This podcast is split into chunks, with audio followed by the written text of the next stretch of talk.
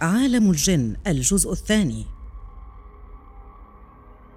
عالم الجن والشياطين عالم واسع للغاية وهذا العالم تحديدا يعد من الأشياء الماورائية المرعبة جدا لكن هناك الكثير من الناس والباحثين وبالطبع الأنبياء والديانات السماوية شرحت لنا ماهية هذه العوالم أو بالأحرى كيف تعيش هذه المخلوقات وكم أعمارها وما إلى ذلك.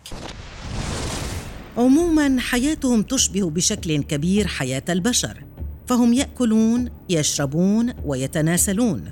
ويقال إن الجن المؤمن مختلف غذاؤه عن الكافر.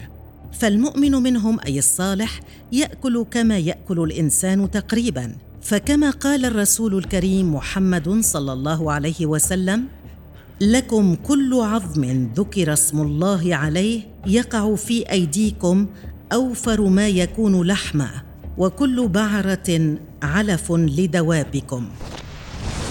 أما الجن الكافر أو الشيطان بمعنى أصح فهم يأكلون الروث وهي مخلفات الحيوانات والبشر ويشربون الدم والأبخرة ذات الروائح الكريهة والعظام المتبقية من مأكل الإنسان أو الحيوانات.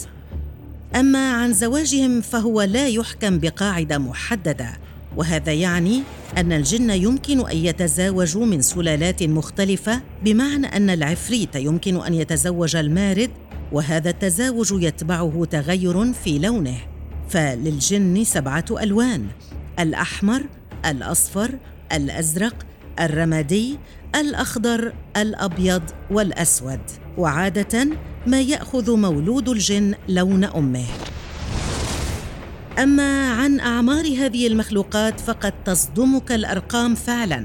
فعادة ما يمر الجن بأربع مراحل عمرية. يقال والعلم عند الله إنه قد يصل عمرها إلى الألفي ومائتي عام وهذا الأمر مقسم إلى مرحلة دون الشباب وهي من التسعين إلى المئتين وخمسين سنة مرحلة قمة الشباب من 250 إلى 400 مرحلة بعد الشباب من 400 عام حتى 650 وفي النهاية مرحلة الشيخوخة والتي تمتد من 650 عاما إلى ما يشاء الله إلا إبليس فقد أمهله الله إلى يوم يبعثون. إذا وبعد هذا هل يموت الجن؟ الجواب هو نعم. يموت بالكثير والكثير من الطرق أولها من خلال القتل. فهناك عشائر منهم يحاربون بعضهم ولا بد من وجود ضحايا في الحرب. وهناك من يموت مرضا ومن يموت بانقضاء عمره ولكنهم يمكن أن ينجوا من بعض أنواع الموت الذي نعرفه نحن البشر فهم غالبا لا يموتون غرقا أو حرقا. ولكن يمكن أن يتسبب تشكلهم في جنس ما في أن يلاقوا ذات عوارض الجنس فإن كانوا متشكلين بهيئة بشرية وتعرضوا للاصطدام بشيء ما أثناء التشكل فهم يموتون بهذا السبب أيضا. ويقال إن الجن كثير الخلق أي كثير العدد.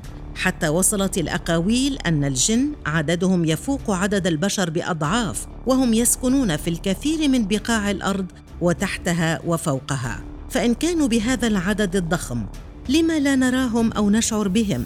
صراحة قيل في هذا إنه عند تشكلهم في مخلوقات أخرى يستطيع أي كائن أن يراهم ولكن على هيئتهم الأصلية لا يمكن رؤيتهم ابدا. وكانت هذه الرؤية حكرا على الأنبياء عليهم السلام.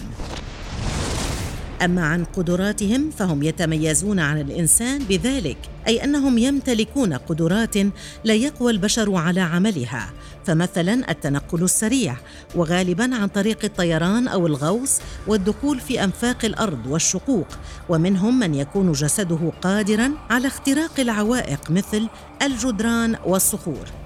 كما لديهم القدرة على حمل الجمادات ونقلها إلى مسافات بعيدة بسرعة مذهلة كما لديهم القدرة على التشكل بهيئات مختلفة.